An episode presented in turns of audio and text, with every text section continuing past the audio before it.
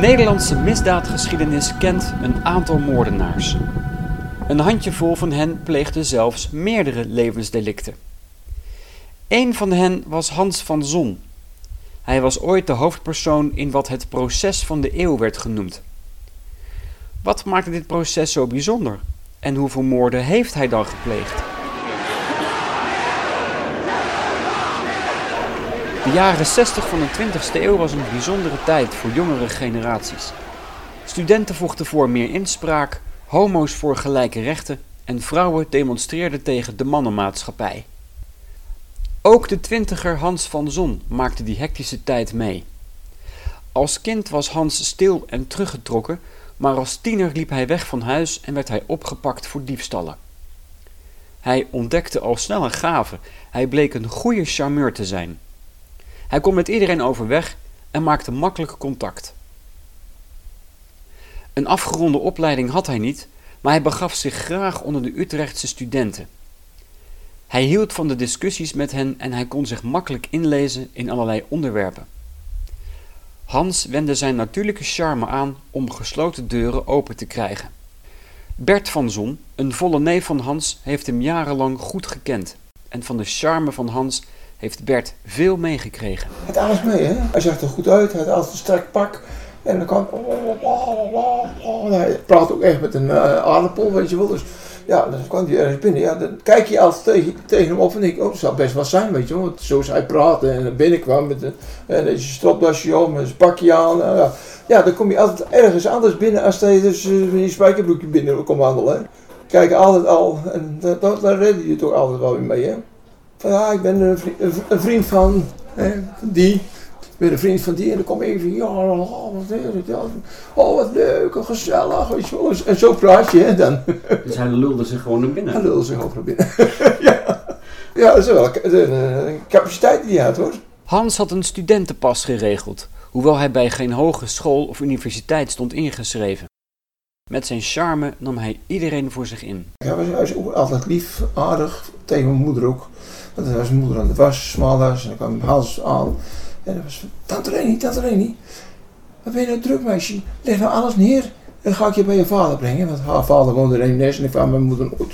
Ja, mijn moeder was ook eigenlijk, uh, uh, Eemnes was een wereldreis voor haar, weet je, toen die tijd. En dan was ze met hem mee in de auto, dan ging ze onderweg nog een kopje thee drinken. En dan bracht ze bij haar moeder en dan ging hij zelf ergens heen. En dan later kwam ze weer halen. Dus hij, was, ja, hij kon iedereen kon die versieren wat dat betreft. En dus, hij was charmant, dus ik weet niet hoe. En ook al had Hans geen opleiding of vast werk, toch ging hij altijd goed gekleed. Hans had meerdere kleine baantjes, maar werd meestal al snel weer ontslagen. Niemand weet precies hoe hij aan geld kwam, maar Bert heeft daar wel een idee over. Ja, met, uh, met uh, stelen en rommelen, oplichten en, en van vrouwenleven, dat weten wij ook. Hij wist precies waar dus de dames met geld kwamen in de hotels hier. Ja, Hotel Smit. Chic hotel. Dus de, dames die meer geld hadden. En zat Hans dan ook. En die ging dan een praatje maken. En nou, die zou je allemaal wel leren. En vertellen hier in de buurt. Waren ze twee weken bijvoorbeeld in Nederland voor, voor zaken of zo. En dan ging hij ze begeleiden. En uh, s'avonds met eruit. En uh, gezellig maken. En ja, daar kreeg hij ook waarschijnlijk wel uh, van. Volgens sommigen liet Hans vrouwen koud. Hij zou ze alleen maar hebben voor zijn eigen genot en, volgens neef Bert, uit eigen belang. Alles deed hij in belang van zichzelf. Dat zagen de mensen niet, maar alles was in belang van hemzelf natuurlijk. Hè? Dus hij moest er beter van worden. Hans had meerdere vriendinnen. De Italiaans-Engelse Caroline Gigli was één van hen. Met haar goedkeuren maakte hij naaktfoto's van haar en verkocht die. Maar in de jaren 60 was de handel in pornografisch beeldmateriaal verboden. Maar naast Caroline had Hans nog een vriendin, Kobi van der Voort. Kobi en Hans hadden elkaar begin jaren 60 leren kennen in het Amsterdamse hotel Krasnapolski. Kobi was gescheiden, ze woonde nu alleen op een kamer aan de Prinsengracht. Zij was eind 30, Hans midden 20. Men zegt dat Kobi een vrouw was met vele seksuele contacten.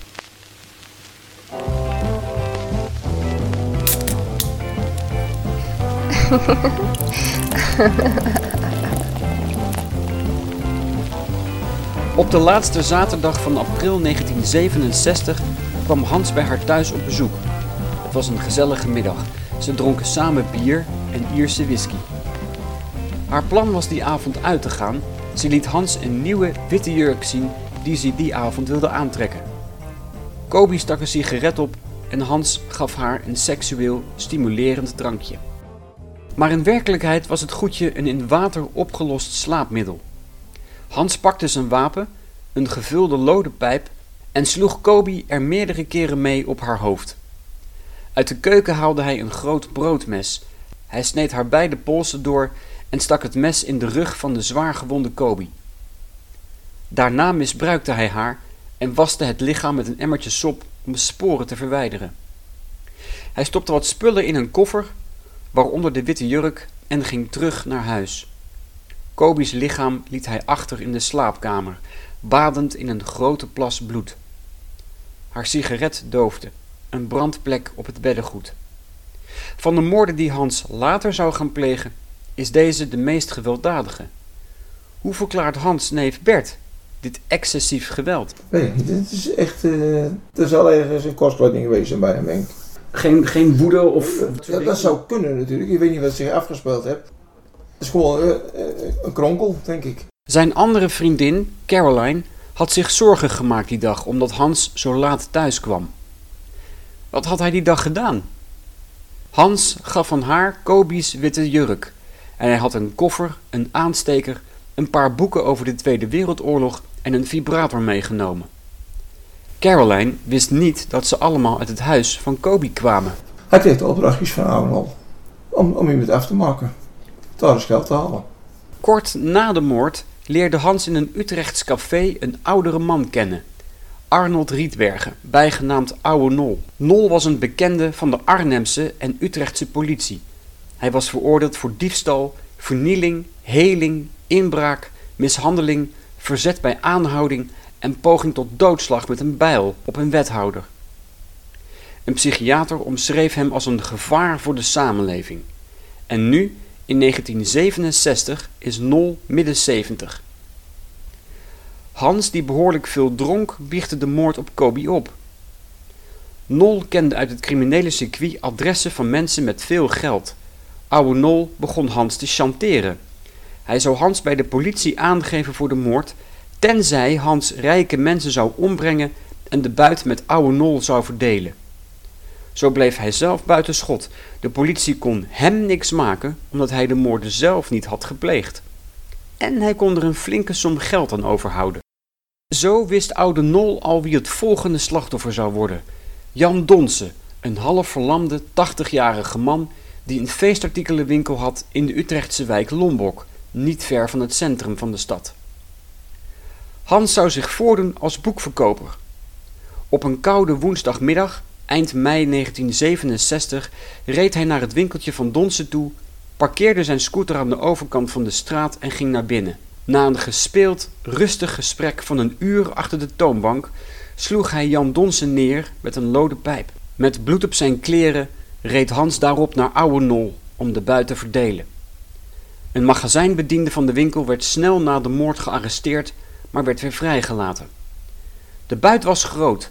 Oude Nol zou van het geld een auto hebben gekocht. Voor de moord had hij geen cent te makken maar nu was dat probleem opgelost. Dus zijn vader die had het gehoord, op de radio of weet ik het, ja, gehoord. Hij zei, hey, goh, ze hebben die en die vermoord. Eerste aantal vers, ze wilden hem gelijk kapot maken. Nou, dat is het antwoord van Hans. De jonge lerares Elise Goff is maar een paar weken geleden gescheiden van haar man. Ze woonde in juli 1964 op een kamertje in de Rotterdamse IJsclub Dwarsstraat, een kort straatje in de wijk Kralingen. Er staan hoge huizen met boogramen ronde erkertjes en balkons. Om de voordeuren heen zitten glas- in loodramen.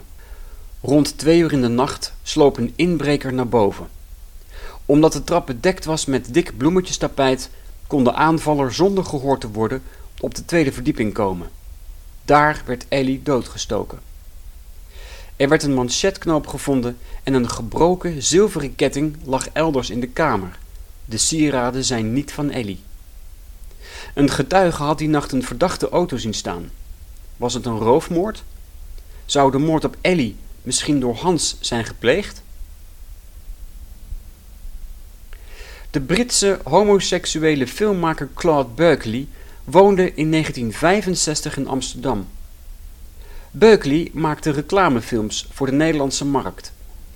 De mosgroene auto van de filmmaker was geparkeerd vlak bij het station Amsterdam Centraal in een viaduct dat onder het spoor doorliep. Het is in de jaren 60 een homo-ontmoetingsplek. Het lichaam van de Brit werd in september 1965, een week na te zijn omgebracht, teruggevonden in het Amsterdam-Rijnkanaal, zo'n 10 kilometer verderop. Had Hans met deze moord te maken? Bert van Zon, de neef van Hans, gelooft daar niet in. Denk het niet. Als het wel bekend. Ik denk dat hij daar niets mee te maken Dat is ook homo, hè? Dat is ook een hele andere wereld voor hem natuurlijk, hè? Maar daar heeft hij ook weinig uh, dingen mee. Daar kon je niet beter van worden. Hij wilde overal beter van worden. Ook bij al zijn contacten die hij had. Als je naar kijkt waar, waar, dus hij dus die moorden pleegde, mm -hmm. dat was een oude man daar, een oude vrouw daar. En dat had er gewoon niks mee te maken. Dat was ook niet zo roofmoord. Ja, dat waren echt roofmoorden, scheld. En dat waren de moorden waar dus geld te halen was. waren dus alleenstaande mensen die geld hadden en die alleen woonden. En daar ging hij heen. Dus daar geloof ik niet in die andere moorden allemaal. Ellie werd in 1964 en Claude in 1965 vermoord. Hans leerde oude Nol pas daarna kennen. Nol kon Hans dus nooit met deze moorden gechanteerd hebben. De vraag is wat Hans motief zou zijn geweest om de twee om te brengen. Ellie had nauwelijks geld in huis en het is de vraag of Hans Claude heeft gekend. De verdachte auto, die een ooggetuige in de Rotterdamse ijsclub Dwarsstraat bij Ellie had zien staan, was een Volkswagen Kever, waar er op dat moment zo'n 40.000 van rondreden. Maar als Hans in 1967 wordt opgepakt, bekent hij Ellie wel gedood te hebben. De Rotterdamse rechercheur Jan Blauw keek in 1998 terug op het politieonderzoek naar de moord op Ellie. Niet alleen zou Hans de moord bekennen, de politie vond in dat onderzoek nog een aanwijzing, een spoor die leidde naar Hans. Bij huiszoeking is een, een zogenaamde recreatiekaart gevonden van Midden-Nederland. Bij, van, bij, bij Verzon. Wel, op die kaart, daar was uh, het plaatsje IJsselstein omcirkeld. En in stippenlijnen aangegeven, mhm. een, als het ware een route naar Krimpen aan de IJssel. En in het verbaal, dat dat door de Utrechtse recherche is opgemaakt, staat dan dat uh, Ellie jarenlang in Krimpen heeft gewoond. Dat is niet juist, ze heeft daar wel, wel gewerkt. Daarmee werd de suggestie gewekt. Ik moet er nog even bij zeggen mm -hmm. dat ik datzelfde verbaasd vond dat, dat, dat Van Zon wel in een café in IJsselstein kwam. Dat er, een, dat er een relatie zou bestaan tussen IJsselstein en Krimpen, respectievelijk tussen Van Zon en, uh, en Ellie Segoff. Aldus Jan Blauw in 1998. Het lijkt een duidelijke en uitgemaakte zaak. Hans heeft Ellie Segoff vermoord. Maar zo simpel was het niet. Hans van Zon heeft uh, Ellie Segoff niet vermoord. A. Hij kende haar helemaal niet. B. Uh, hij, is, hij, hij, wist niet eens waar ze woonde. De, de zogenaamde reconstructierit. Waar, daar bracht hij niks van terecht om hem op die plaats misdrijf te brengen. Uh mhm. -huh. C. Er is van hem geen enkel spoor aangetroffen. En D. De bijzonderheden die hij gaf, die waren zo algemeen dan wel hem dusdanig gesuggereerd dat iedereen die zou kunnen verklaren. Nog één klein voorbeeld, dus ik mag dus op een gegeven moment is hem een mes getoond. Mhm. En daarvan heeft hij gezegd dat mes is het niet, dat is te nieuw. Nou, dat is kennelijk een nieuw mes geweest, wat een soortgelijk aan het moordwapen. Vervolgens toont men hem een mes mhm. in plastic verpakt. Daarom in plastic verpakt, omdat er nog bloedsporen aan zaten. Ja. En natuurlijk zegt Van Zon, dat, dat is het mes. De recreatiekaart die in het huis van Hans werd gevonden... bleek pas een paar jaar na de moord te zijn uitgegeven. Hij kon het dus nooit hebben gebruikt als routekaart naar Ellie. Hoewel rechercheur Jan Blauw heel stellig was over de onschuld van Hans voor deze moord, blijven sommige agenten nog steeds volhouden sterke aanwijzingen te hebben dat Hans wel degelijk de moord op Ellie heeft gepleegd. Maar het bewijs was nergens hard genoeg. De moorden op Claude Berkeley en Ellie Segoff zijn altijd onopgelost gebleven. Er zouden daarna nog een aantal moorden worden gepleegd die allemaal overeenkomsten hadden. Waren die gepleegd door Hans en Nol?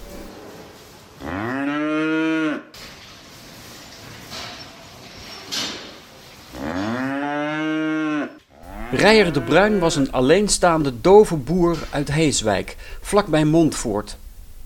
Nol wist ook van Rijer dat hij veel contant geld in huis had, dus werd hij het volgende slachtoffer. De lode pijp verstopte Hans nu in een paraplu. Met de smoes dat hij als journalist een interview wilde hebben over het boerenleven, kwam hij bij Rijer binnen. Daar werd de boer vermoord. Nol en Hans namen een gouden horloge mee, de initialen van Rijer de Bruin erin gegraveerd. De bejaarde Goosen van Pichelen woonde alleen in een boerderij in Elst, vlakbij Renen. Ook Goosen werd in zijn eigen huis omgebracht. Hij werd vastgebonden met een tuinslang. Er was een flinke vechtpartij geweest, maar er was niets buitgemaakt. In de fruitschaal lag een flinke som geld en Goosen werd gevonden met een geldbuidel om zijn buik. De avond voor de moord stond er een auto voor de boerderij van Goosen, met daarin een jonge man en een oudere heer. Waren dat oude Nol en Hans? Caféhouder Johan Schoenmakers uit Oorschot werd op 8 augustus 1967 achter zijn eigen tapkast gevonden. Ook hij was doodgeslagen en ook van hem was bekend dat hij thuis veel contant geld had. Maar onder een kussen werd 3000 gulden teruggevonden en ook een brandkast met contant geld was niet opengebroken. De moorden op Kobi van der Voort, Jan Donse, Ellie Segoff, Claude Buikley, Rijer de Bruin, Gozer van Pichelen en Johan Schoenmakers werden toegeschreven aan Nol en Hans. De zaken leken in meerdere opzichten op elkaar. Veel contant geld, geen moordwapen op de plaatsen delict en alle slachtoffers waren met geweld om het leven gebracht. Daardoor vermoedde de politie dat steeds dezelfde daders er verantwoordelijk voor waren.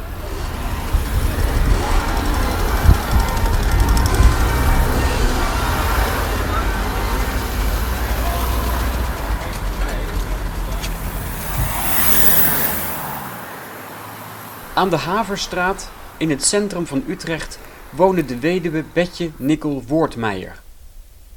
Op woensdag 13 december 1967 wachtte ze op een reparateur voor haar kapotte televisie.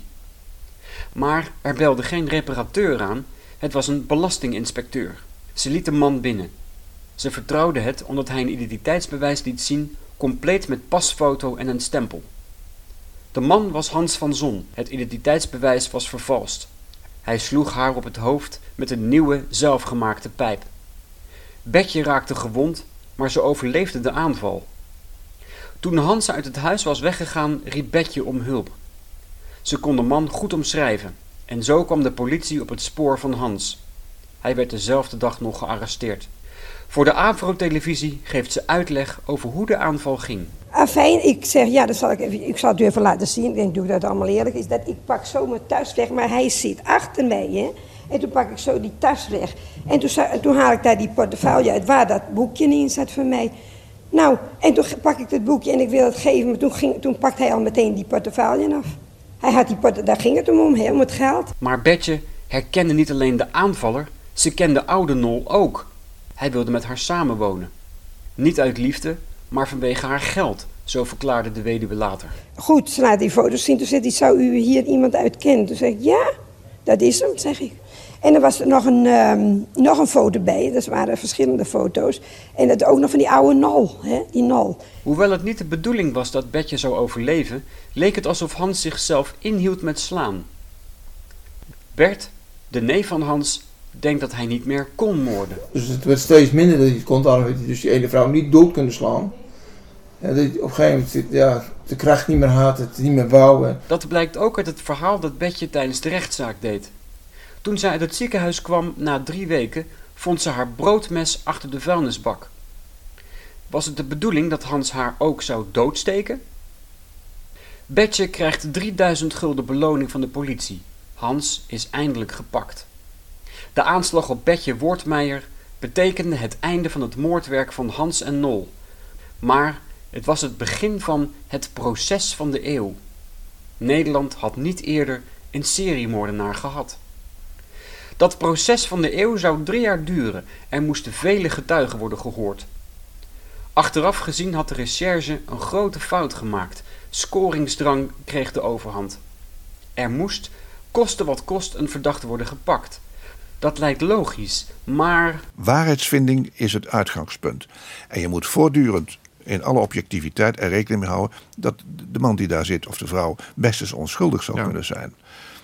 Wanneer je een ander standpunt inneemt, al a priori uitgaat van daderschap, dan dreig je dus te ontsporen uh, in, met, met je verhoortechniek. En dan is niet langer uitgangspunt uh, waarheidsvinding, maar het verkrijgen van de bekentenis. En mijn stelling is dat het een, een, een goed rechercheonderzoek, een vak, stukje vakwerk zou eigenlijk zo in elkaar moeten zitten. En dan is dan de kroon op het werk dat die bekentenis niet eens nodig is. Mhm. Omdat je voldoende bewijs hebt verzameld van daderschap. Al dus de Rotterdamse hoofdrechercheur Jan Blauw. Hans van Zon genoot van de titel als eerste seriemoordenaar van Nederland. Hij had met zijn manipulaties de recherche om de tuin kunnen leiden. Ook hadden fouten in de verhoren, die uren en uren duurden, een onverwacht effect. Hans bekende moorden die hij niet had gepleegd. Het proces van de eeuw werd door de landelijke pers op de voet gevolgd. De foto's van de twintiger Hans en de bejaarde Nol, op pantoffels en met zijn wandelstok boven zijn hoofd geheven, gingen de hele wereld over. De kranten versloegen bijna elk detail in de rechtszaal. Dat Hans een paar slokjes water neemt, dat hij zich verspreekt, dat de rechter zijn hoofd schudt. Caroline Gigli, de vroegere vriendin van Hans, raakte zo overspannen tijdens het proces dat ze uit een raam sprong. Ze raakte licht gewond. Het werd wereldnieuws toen in maart 1970 Hans werd veroordeeld voor de moorden op Kobi van der Voort, Jan Donsen en Rijer de Bruin. De meeste andere moorden bleven onopgelost.